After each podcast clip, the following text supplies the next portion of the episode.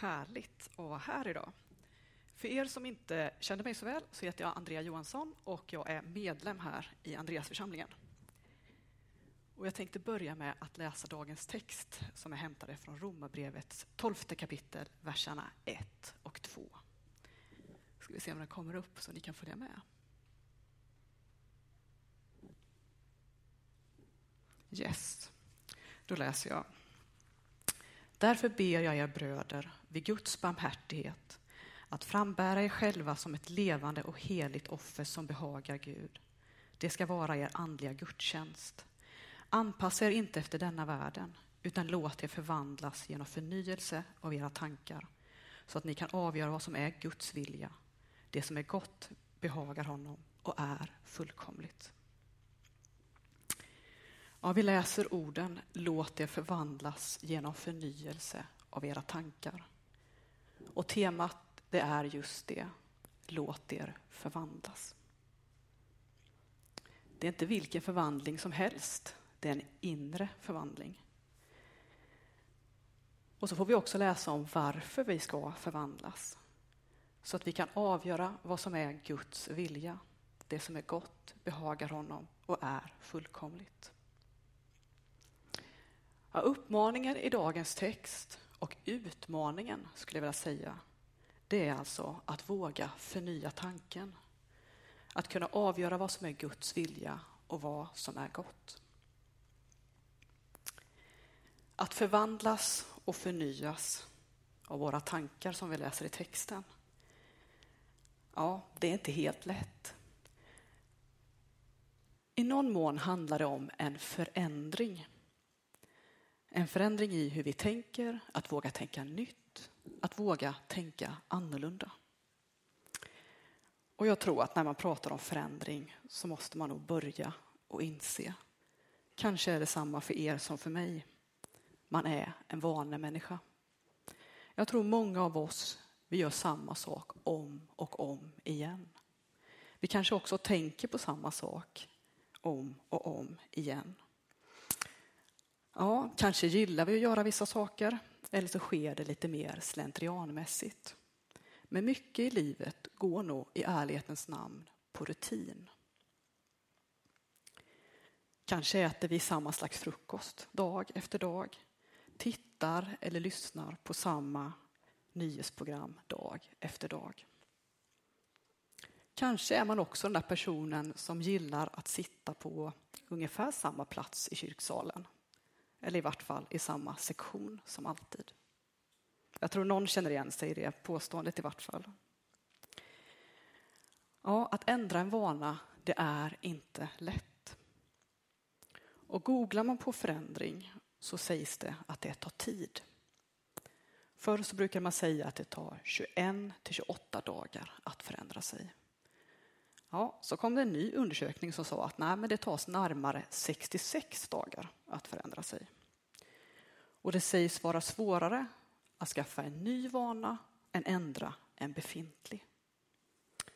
Jaha, 66 dagar att förändra sig. Ur ett livsperspektiv är 66 dagar ingenting.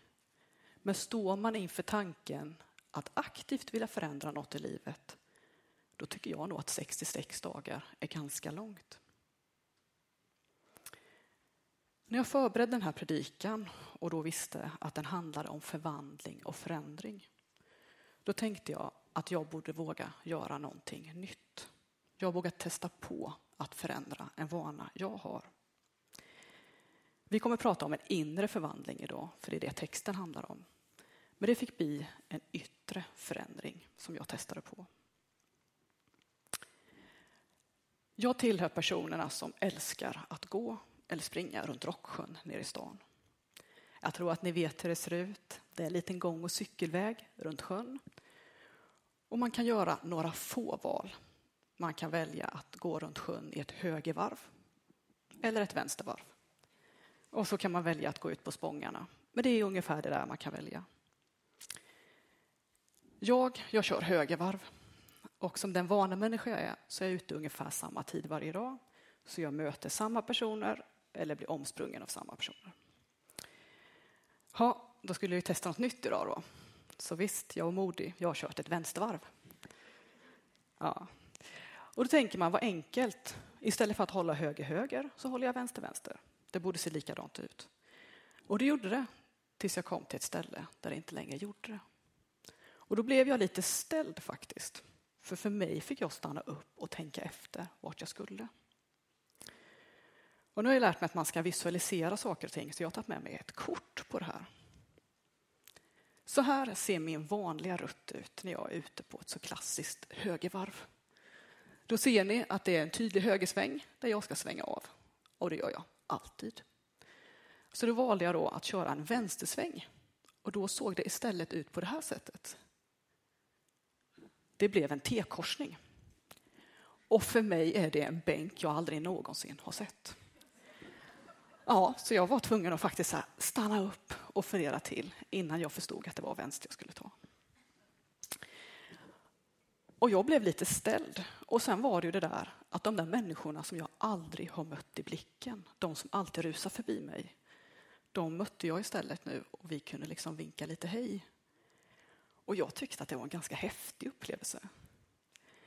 För det är så här att jag vistades i precis samma miljö som alltid. Jag hade rört mig exakt lika långt som jag alltid gör, 4,84 kilometer. Och det var i exakt den miljön jag varit så många, många gånger förr. Men intrycken blev för mig nya.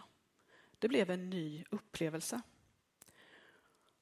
Och jag tror att detta är ett sätt att visa med ganska enkla medel att man kan vara i en miljö man redan är, men man kan få nya perspektiv. Om man vågar att se på det ifrån ett annat sätt. Och att förvandlas och förnya våra tankar för att avgöra vad som är Guds vilja, som vi läste om i texten. Det kan handla om att våga komma närmare Gud. Och det tror jag att vi kan göra om vi vågar att se på vår gudsbild utifrån ett nytt perspektiv.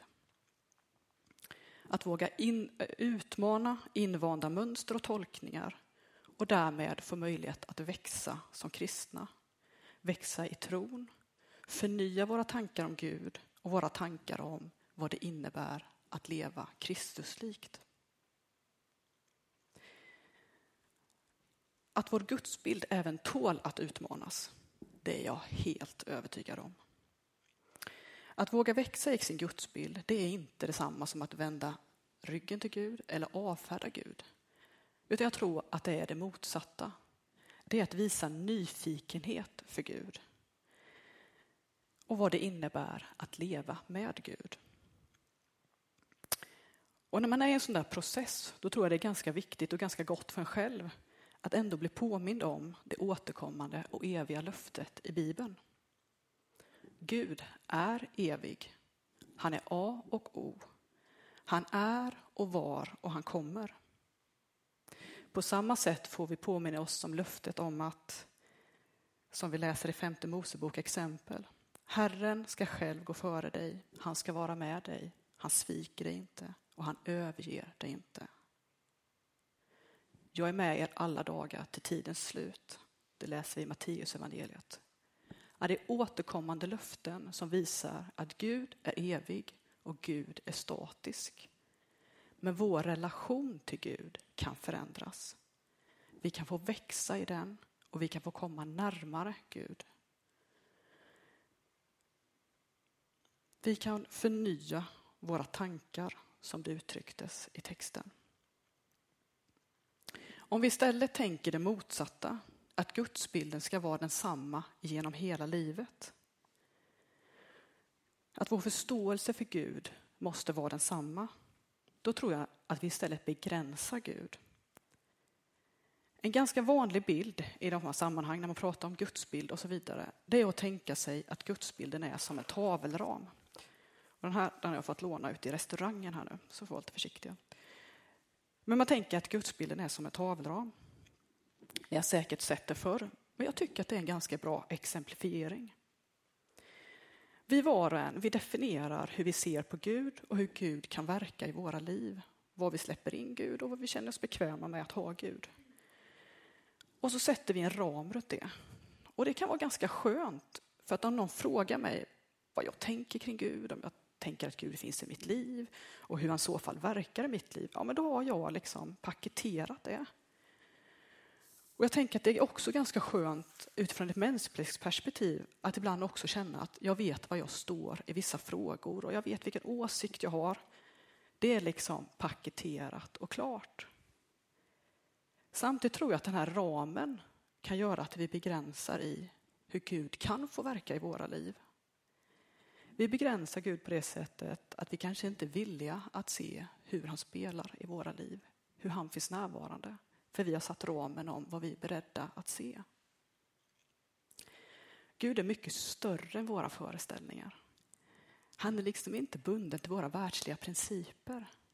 Och då tror jag att våga förvandling kan vara att våga ta bort ramen kring vår gudsbild. Ja, att våga förvandling och förändring, det handlar om att i någon mån vara i rörelse. Att släppa det fasta och istället vara i rörelse mot Gud. På samma sätt som Jesus säger till lärjungarna, kom, följ mig. Så är jag övertygad att han också säger till oss, kom, följ mig. Det är en rörelse, kom. Och rörelsen den är att våga släppa det invanda och istället gå mot Gud. Att våga skaffa nya perspektiv även på vår gudsbild. Hur gör man då det? Jag tror att man kan göra det på många, många olika sätt. Jag tror att det finns enkla sätt. Kanske kan man gå på en samling här i kyrkan man vanligtvis inte går. Kanske kan man ibland gå till en annan kyrka. Men det säger vi inte så högt. Och jag tror också att det kan handla om att vara i sammanhang utanför kyrkan. Jag tror att vi, när vi byter miljö, kan få större och fler erfarenheter. jag tror att det kan berika oss och det kan berika andra. I Romarbrevets text som vi läser så står det ju visserligen att vi inte ska anpassa oss efter världen. Men det är inte samma som att vi inte ska vara i världen. Det är snarare att vi ska låta Gud följa med oss i världen. Och på så sätt så tror jag att både vi och andra kan få växa genom Gud. Att läsa Bibelns texter är ett annat av dessa många exempel att närma sig Gud. Det finns många bibelguider som sätter bibelberättelsen i ett sammanhang. Man kan få hjälp med tolkningar och kanske en ny infallsvinkel än det man själv tänkt. Eller varför inte testa bibelmeditation? Det påminner lite om den här löparrundan. Man har gjort någonting många, många gånger förr och så helt plötsligt får man en ny upplevelse när man vänder på det. Och så tror jag det kan vara lite med bibelmeditation. En bibeltext man har läst många gånger förr kan få ett nytt perspektiv när man får möta den utifrån en bibelgestalts perspektiv. Man kan göra nya erfarenheter på en för dig vanlig plats i en text du läst många gånger förr. Man kan också välja att förflytta sig själv. Varför inte åka på en tyst retreat? Det är jätteläskigt att vara tyst och det är fantastiskt. Allt det där som annars är ett brus kan göra att man får uppleva någonting nytt, en tystnad. Många upplever att det är ett sätt där helt plötsligt bönen kan få finnas med på ett helt annat sätt. Några av många, många exempel som finns. Det finns massor av sätt att tänka nytt, att komma närmare Gud. Okej, så lyssnar man nu och så tänker man, aha, det låter jättejobbigt. Ja, men jag tror att liksom vara i rörelse mot Gud och att vara öppen för att gudsbilden förändras. Det behöver inte vara jobbigt. Men man kanske tänker så hör man att ah, men det tog ju till och med jättelång tid. Det tror jag inte heller att det behöver vara. Men jag tänker att det man behöver påminna om är att det här är någonting man inte gör själv. Att vara i rörelse mot Gud, det är inte en ensidig handling. Det är inte så att vi kämpar oss närmare och närmare Gud, Utan det är så att Gud möter oss. Han går bredvid oss där vi redan är. Och vi sjöng i salmen tidigare. Jag tror på en Gud som bor inom mig och som bor i allt utanför. En skrattande Gud som vill skratta med mig och som lever med mig när jag dör. Det är närvarande och det är en omhändertagande Gud. Det är en Gud som hjälper oss att mogna i våra liv och mogna i vår tro. Och visst är det väl för tur att vi inte behöver tänka och tycka samma sak genom hela livet. Ibland hade man önskat att vissa, liv, vissa grejer i livet kanske hade varit beständiga. Men sanningen är att du och jag har förändrats.